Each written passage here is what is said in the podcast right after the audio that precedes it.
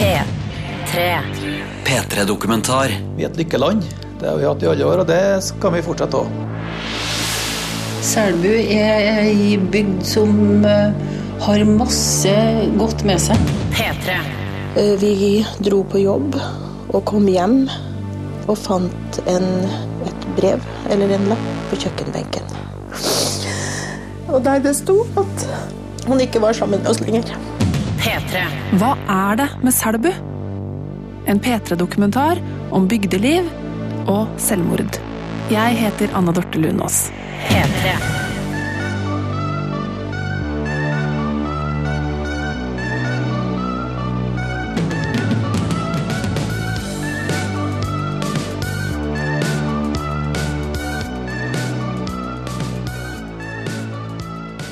Han hadde hatt det veldig travelt den formiddagen.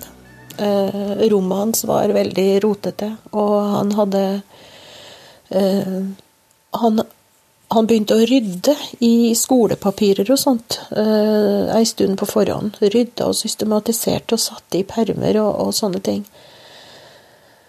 Eh, og så lurte jeg på hvorfor det. Jo, nei, det var jo fordi at han skulle flytte og begynne på høyskole til høsten, og han måtte jo liksom rydde etter seg, og alt hadde en logisk og grei forklaring. Men eh, det var veldig kaotisk på rommet hans. Um, og det var veldig Det så ut som det var, har vært et veldig sånn opprør. Eh, Det var veldig tydelig at han hadde skrevet disse brevene i, i full fart. Det var fullt av skrivefeil, sjøl om det var velformulert og greit.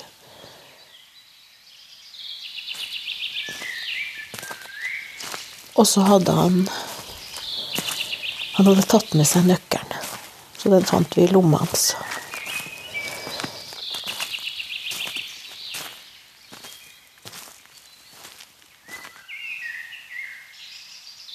I 2009, i april, i Selbu, gikk en gutt opp i skogen. Året før hadde Tommy tatt livet sitt, og nå går Hans Gisle opp i skogen for å gjøre det samme.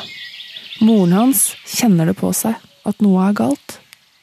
Jeg hadde så vondt i magen den dagen jeg var på jobb, at jeg vurderte å dra hjem. Det var et eller annet som var veldig urolig. Um, og da jeg liksom satt og vurderte det, det viste seg at det var jo da helt sammenfallende med det tidspunktet da han døde.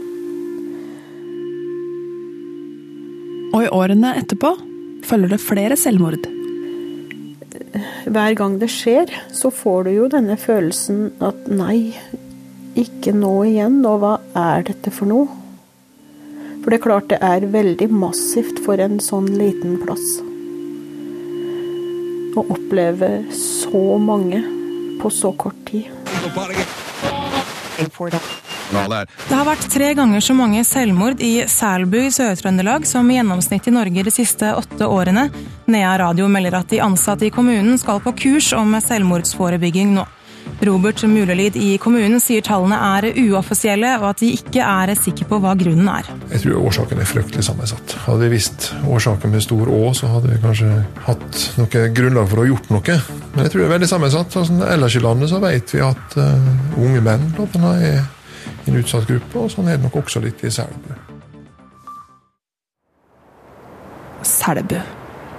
Skogen ligger tett rundt denne bygda. Gjennom dalen går elva Nea og vier seg ut i Selbusjøen.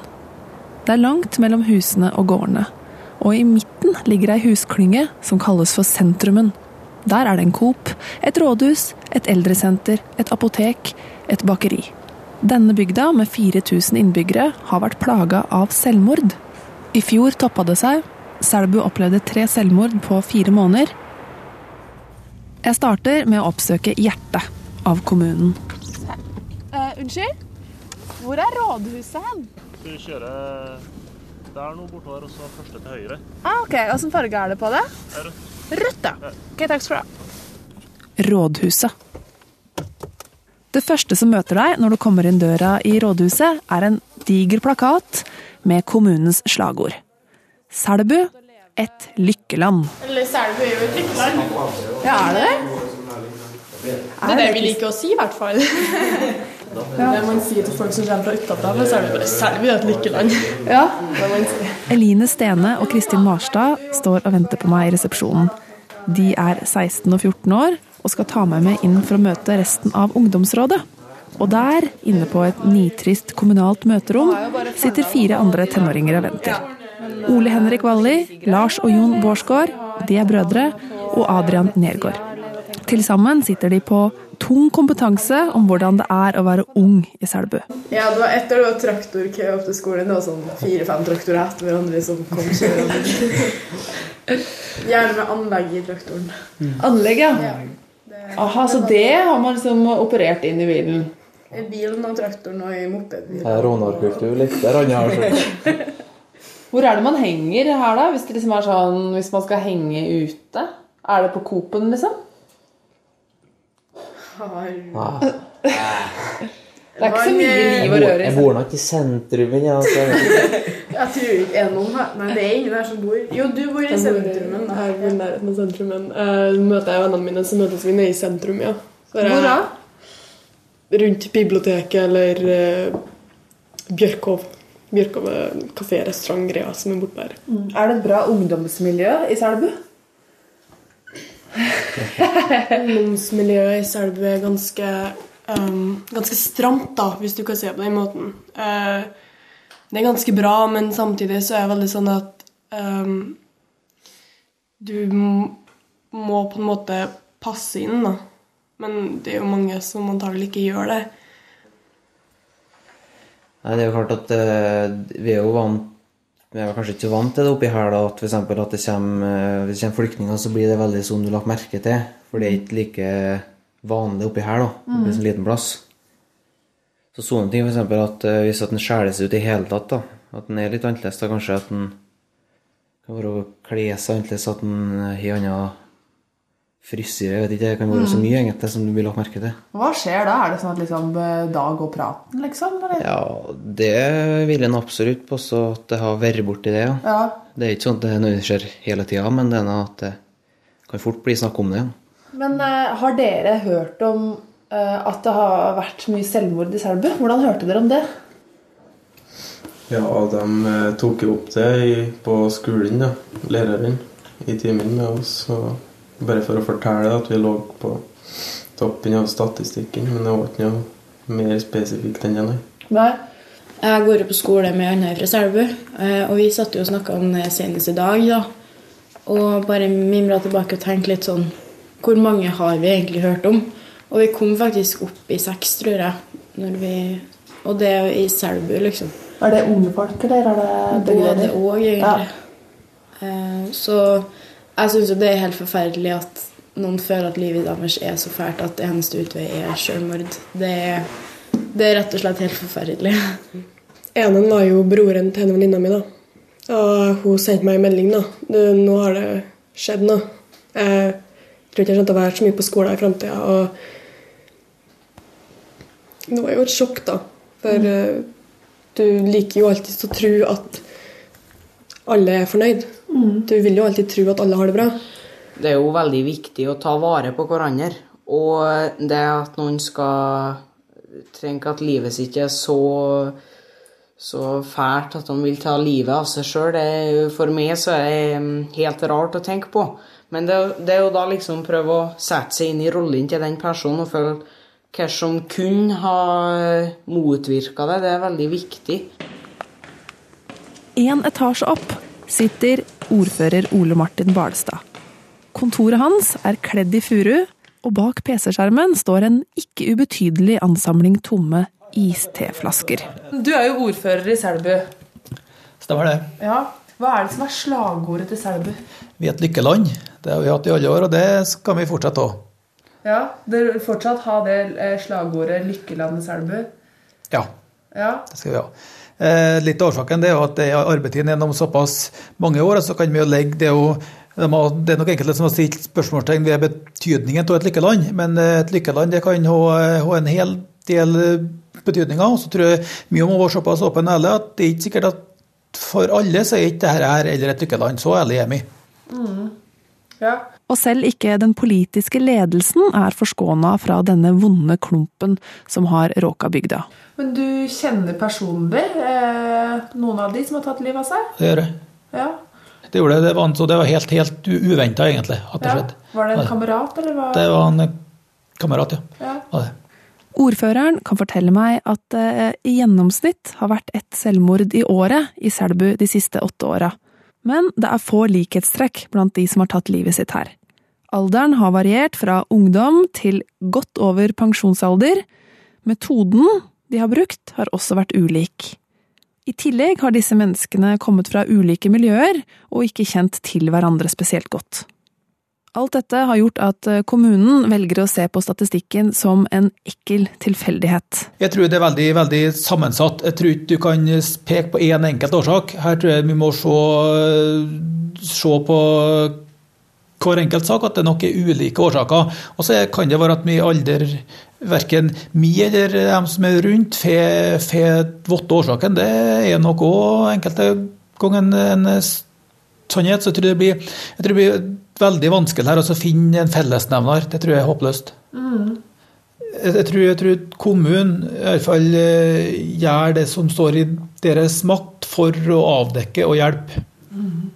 Og et av de tiltakene som har blitt satt i gang nå, er at Robert og 22 andre helsearbeidere i Selbu har vært på kurs den siste måneden. Et selvmordsforebyggende kurs. Hva gjør man for å hindre at folk kommer dit hen at de tar livet av seg? Og det de har lært der, på kurset, er at man må spørre pasientene sine. Ved den minste tvil må man spørre har du selvmordstanker eller planer.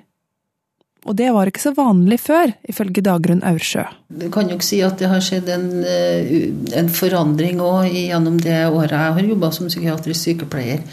Eh, De første, eh, ja, første tida var det kanskje ikke like greit, men det er ja, det er et naturlig spørsmål å stille. For å ikke ha stilt det er mye verre. Ja. Mm. Så da, da spør du Har du tanker? Hvor redd skal jeg være for deg? Mm. Hva svarer folk på det? Folk er ærlige på det. De er det, ja? Ja, er det. Eh, Jeg tror det kan være en lettelse for mange å få svare på det spørsmålet. Og se at det er noen som bryr seg. Hvis du bor i Selbu og trenger noen å prate med om vanskelige ting, så er sannsynligheten høy for at du havner på Dagrun Aursjøs kontor. Det er et såkalt lavterskeltilbud å komme hit.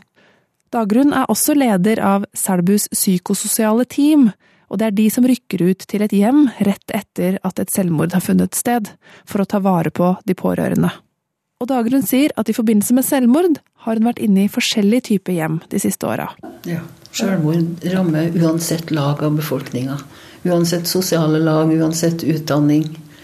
Det kan ramme alle. Jeg spør også henne om hun har gjort seg opp noen tanker om hvorfor det er så mange her i Selbu som har tatt livet sitt. Nei, det har jeg ikke. Selbu er ei bygd som eh, har masse godt med seg. Det er mange fritidsaktiviteter.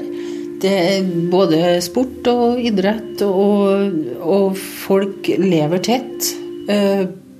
Kanskje både på godt og vondt. Eh, så å finne noen årsaksforklaring, nei, det er umulig. Mm. The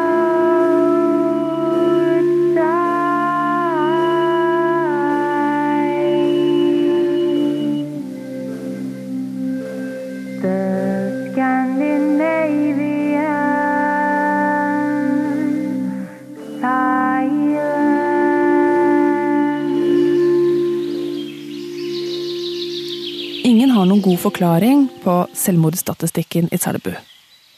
Bak hvert selvmord ligger en personlig historie, får jeg høre. En tragedie. En historie om noen som ikke ville leve lenger. Den dagen han tok livet sitt, da, så ringte han jo sjøl og bestilte ambulanse. Da ringte han på AMK-sentralen i Trondheim og sa at eh, Send ambulanse til Så ga, oppga han adressa, da. Ja, kanskje, er det skjedd noen ting, sa. Ja, det har skjedd en som har tatt livet av seg, sa han. Å ja, er det, kjenner du den, da, sa. Ja, han heter Tommy Hammerhaug, sa hun. Ja, men eh, Kjenner du den? Er du i slekt med den? Det, det er som er Tommy Hammerhaug, sa hendene. Så ble hun så forvirra, da, vet du. Ja, men Tommy sa ja, de må sende ambulanse en gang, sa han. For at mamma kommer om, et lite, om en liten stund, sa han, og hun kan ikke finne meg her, sa han. Ja, men er du Tommy Hammerhaug? Ja, jeg er Tommy Hammerhaug, sa han. Du må sende ambulanse med en gang, sa han. Ja, men du Tommy, sa han. Nei, jeg vil ikke snakke noe mer nå, sa han. Ha det, sa han. Så la han på røret. Snekker og småbarnsfar Tommy Hammerhaug var 26 år gammel da han tok livet av seg 31. mars 2008. Nå skal vi besøke familien hans. De bor til venstre, i Selbus eneste lyskryss. I et grått hus, der bor mor Liv og far Einar. Her bodde også Tommy i 2008, etter samlivsbruddet, mens han pussa opp sitt eget hus. Moren hans, Liv Hammerhaug, viser meg bildene som henger langs trappa opp til andre etasje. Her er en, ja. vet du. Den er jo litt overalt. Her er en søskena. Og her er søskena. Der sitter han. Så søt. Her sitter han sammen med ei venninne. Ja. Vi setter oss i stua med utsikt utover elva Nea. Varmepumpa surrer svakt. Tommys storesøster Lena er også innom, og vi snakker om løst og fast på en hverdagslig og lett måte, inntil jeg skrur på opptakeren. Da ble det lyd. Det var bra. Det er bare å skrape lite grann, så kommer skyggen denne familien må leve med, fram. Jeg spør dem om hva de savner. Å, liv og røre. Latter. Klemmen hans. Stryken over hodet. Du pleide å stryke den på hodet? Ja, det gjorde jeg ofte. Han har brukt å barbere og har ganske kort hår, da. Så sa jeg det til den samboeren til Lena da. Å, det er bra at du er samme frisyre som en Tommy, sa jeg. For da kan det når jeg tar på hodet ditt, så kjennes det ut som jeg tar på hodet Tommy. Så, så dere han etter at han hadde tatt livet av seg? Ja, det gjorde vi. Var det sånn at dere ville det, eller fikk dere anbefalt å gjøre det? Eller? vi ville det. Vi var jo i det eh, bårehuset på En kom jo på bårehuset på sykehjemmet den første kvelden. Og da var vi dit alle sammen og kikka. Og da, altså, da sa han, når vi var i bårehuset den kvelden, så sier Lena òg Og det var nok så enkelt å ta livet sitt, ser jeg, sa, for det har nå rundet en tåre her, sa Så tårene som har runda festa seg nå på, på kinnet her, da. På Tommy? Mm. så det var ikke så greit, tror jeg. Hva tenker dere at kunne ha hjulpet uh, Tommy? Jeg vet, jeg vet egentlig ikke, for han fikk jo en del hjelp, han. Han fikk jo hjelp, han gikk jo til psykolog. Og han var jo veldig Det var jo den kanskje som snakka mest av alle våre unger. Han kom jo ofte ut med henne og snakka med meg. Mm, om ting han syntes var vanskelig? Ja. Så han gikk ikke og bar på det sjøl? Han bar jo sikkert på mye sjøl òg. Han bar vel på det verste sjøl, sikkert. Han bar sikkert på det verste sjøl, ja. ja. Men du så det på han når det var vanskelig, og da sporer han ofte Hva sier du med det, Tommy? sier jeg. Å, det er så slitsomt. Det er så tussig. Alt er så tussig. Og så Vi snakka jo liksom Prøvde å finne ut av det, men eh, Nei, vi kom aldri helt nedpå bunnen, tror jeg. Men han var jo egentlig veldig åpen, da. Det var, han var det. Han var veldig åpen. Um, men lell så uh, klarte ikke å sette ord på akkurat det der, da. Nei. Jeg vet ikke om jeg vet ikke hva han- skjønte sjøl, eller jeg. Men akkurat da når han eh, tok livet sitt, da, det, det var ikke noe som han bestemte seg for den dagen, det, altså. Det han bestemte seg for for en stund, så er jeg sikker på. Han har skrevet et langt brev til oss. Så det Han snakka om Endelig skal det bli stilt oppi høyet. Det som var så mye Det var så mye surr og vanskelig oppi hodet. Endelig skal det bli stilt, liksom. Han så fram til det.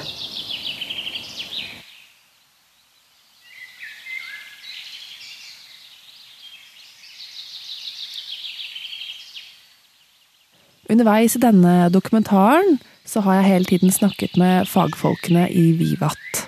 De jobber med selvmordsforebygging. Og De siste åra har det vært en endring i omtale av selvmord.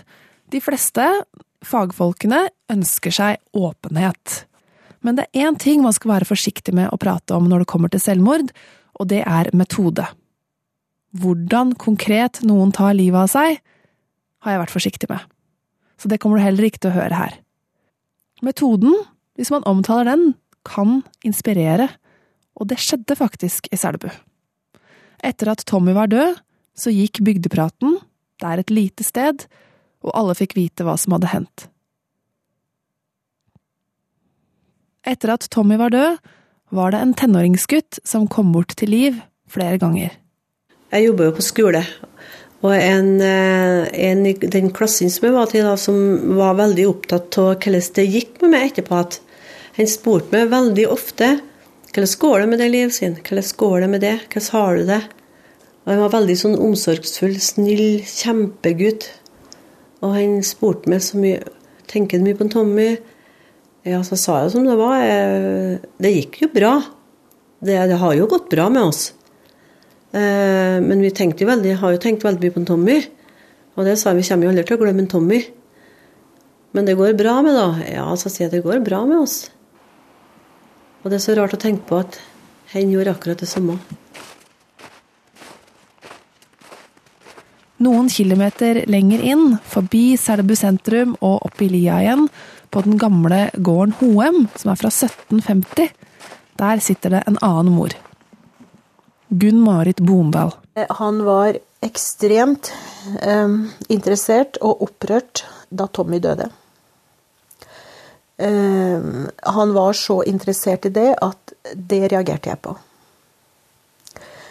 Og eh, han var helt utrolig oppskjørta over måten han hadde gjort det på. Men han snakka også om Og han gjorde det nemlig på samme måte. Og han øh, Han kjente jo Liv godt fra skoledagene. Og han øh, fortalte det, at han hadde snakka med Liv. Og at hun da hadde sagt at han var den eneste eh, av tidligere elever eller ungdommer som hun kjente, som hadde kommet direkte bort til henne og snakka om dette her. Jeg har tenkt så mye på det i ettertid. Hvorfor spor du meg så mye om det? Hvorfor var du så interessert i det? Hans Gisle Bondals åpenbare interesse for en annen Selbu-gutts selvmord, det var et tegn. Men ingen tolka det dit hen, for det falt ingen inn at den morsomme, spreke og blide Hans Gisle gikk med selvmordstanker. I ettertid um, så har jeg tenkt mye på at Hans Gisle har sysla med disse tankene lenge. I ettertid. Jeg tok ikke noe Altså, jeg tolka det den gangen som at dette var første gangen han hadde opplevd noe sånt. Og at han var, syntes det var helt forferdelig, og at det var på en måte en sånn opplevelse som han tenkte nesten var helt utenkelig at skulle gå an. Um, men um, For han var så interessert i å høre hvordan han hadde gjort det. Og han snakka mye om det. At han mm. hadde gjort det så skånsomt for foreldrene sine. Og ja.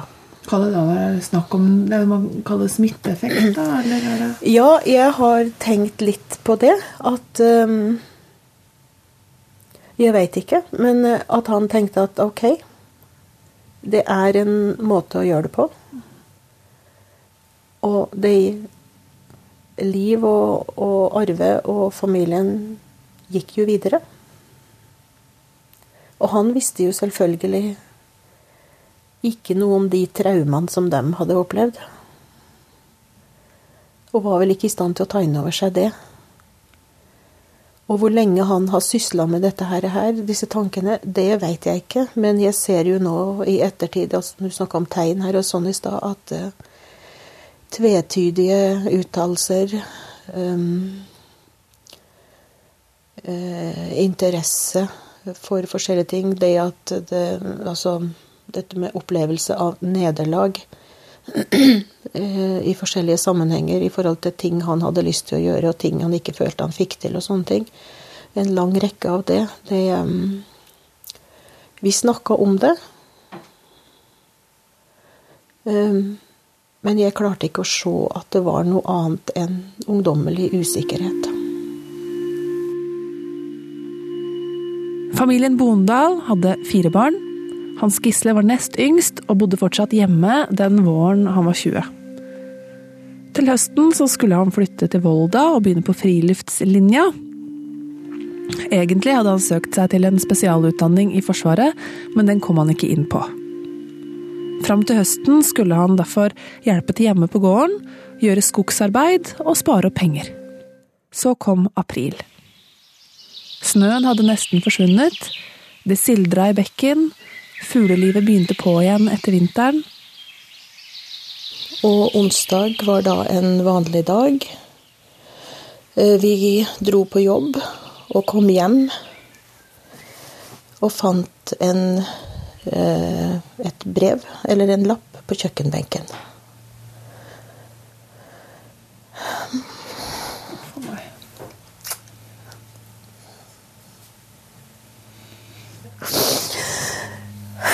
Og der det sto at han ikke var sammen med oss lenger. Det er han som er bildet av der. Bildet av Hans Gisle står på et lite bord. Foran ham er det tent et telys. På bildet er det en fyr med lyst hår. Blid, veltrent, smilehull. Fin gutt. Ja, fantastisk fin gutt på alle vis, og det kom som lyn fra klar himmel. Vi skjønte ingenting at noe sånt var i emning. Ingenting.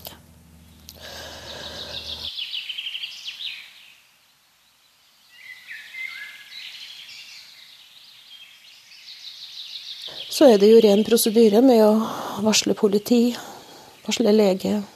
Så går det jo sin gang, varsle familie. Og vi satt jo her som paralyserte. Så kom de jo ned med han fra skogen i ambulanse, og vi ba om å få se han. Og det fikk vi. Og du tenker at det kan ikke være sant, til du åpner den sorte posen som ambulansefolka har med seg, og ser at det er sant. Kan du si noe om hva han skrev i brevet? Vet du at det er så på en måte personlig for oss. Det er så på en måte til hver og en av oss i forhold til den relasjonen han hadde. At i respekt for han, så har vi valgt å ikke si noen ting til noen om hva som sto i det brevet. Skjønner. Ja. Forklarte han noen ting? Ja, han forklarte. og, og sett fra vårt synspunkt så var jo ikke dette noe som det ikke skulle gå an å leve videre med. Men eh, for han så dreide det seg om eh, et så stort problem at han ikke så noen annen utvei akkurat der og da.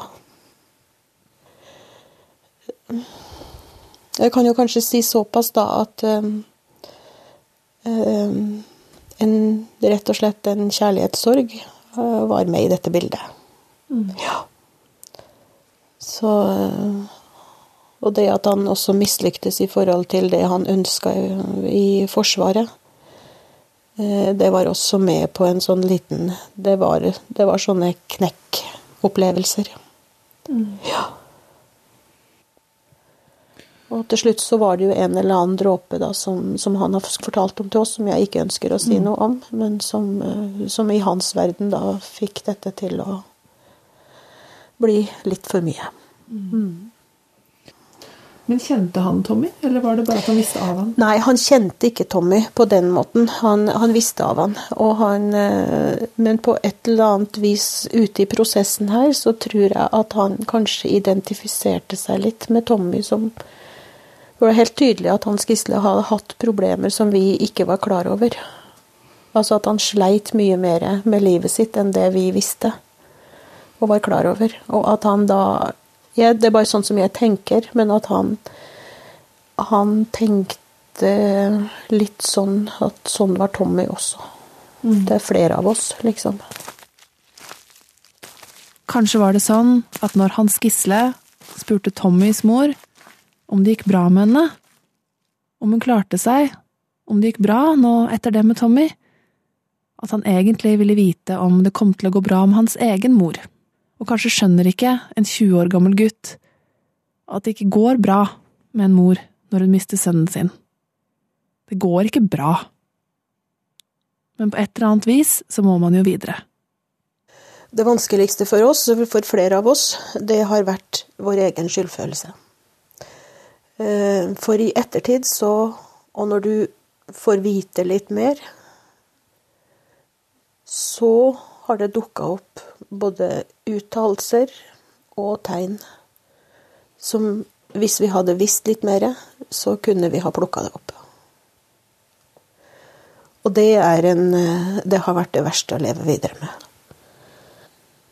Hver gang vi var på biltur, så spilte han um, 'Time to Say Goodbye' med Andrea Bocelli og Sarah Brightman. Syntes den var veldig flott, og det var den jo. Vi var veldig enige om at det var en veldig flott sang. Uh, leste en roman som heter 'Den siste veien', om en dødssyk mann. Fortalte at han var ferdig med den. Uh, ja, så flott, sier jeg. Det var da Da håper jeg du leser en, liksom, en litt muntrere bok etterpå. Når vi planla ting til sommeren eller neste år, så sier han at ja, da er ikke jeg her. Nei, så sier jeg det er du selvfølgelig ikke, for han skulle til Volda og gå på høyskolen på noe friluftslinje. Og hadde kommet inn der. Dagen før, hvordan var han da? Da var han litt urolig. Uh, vi hadde bursdag for storebror, så vi spiste kake her og sånn. Og han skulle ikke ha noe særlig kake, og han var litt urolig um, på kvelden. Og så om kvelden, før vi skulle legge oss, så, så satt jeg og forberedte meg med skolearbeid til dagen etterpå. Så jeg satt ved kjøkkenbordet, og så kom han, og så ga han meg en veldig god klem, og så sa han 'snille, snille mammaen min'. Og så gjorde han det samme til lillesøster. Og så sier hun bare sånn på spøk Hva er det du har gjort nå? Liksom, hva er det du skal be om unnskyldning for nå? Og så svarte han ingenting på det. Og vi gikk og la oss som vanlig. Men altså det at han kom og ga oss en klem, det var jo ikke noe uvanlig. Så det var liksom ingenting som vi reagerte på. Men i ettertid så har jeg jo skjønt at det var avskjedsklemmen. Helt sikkert.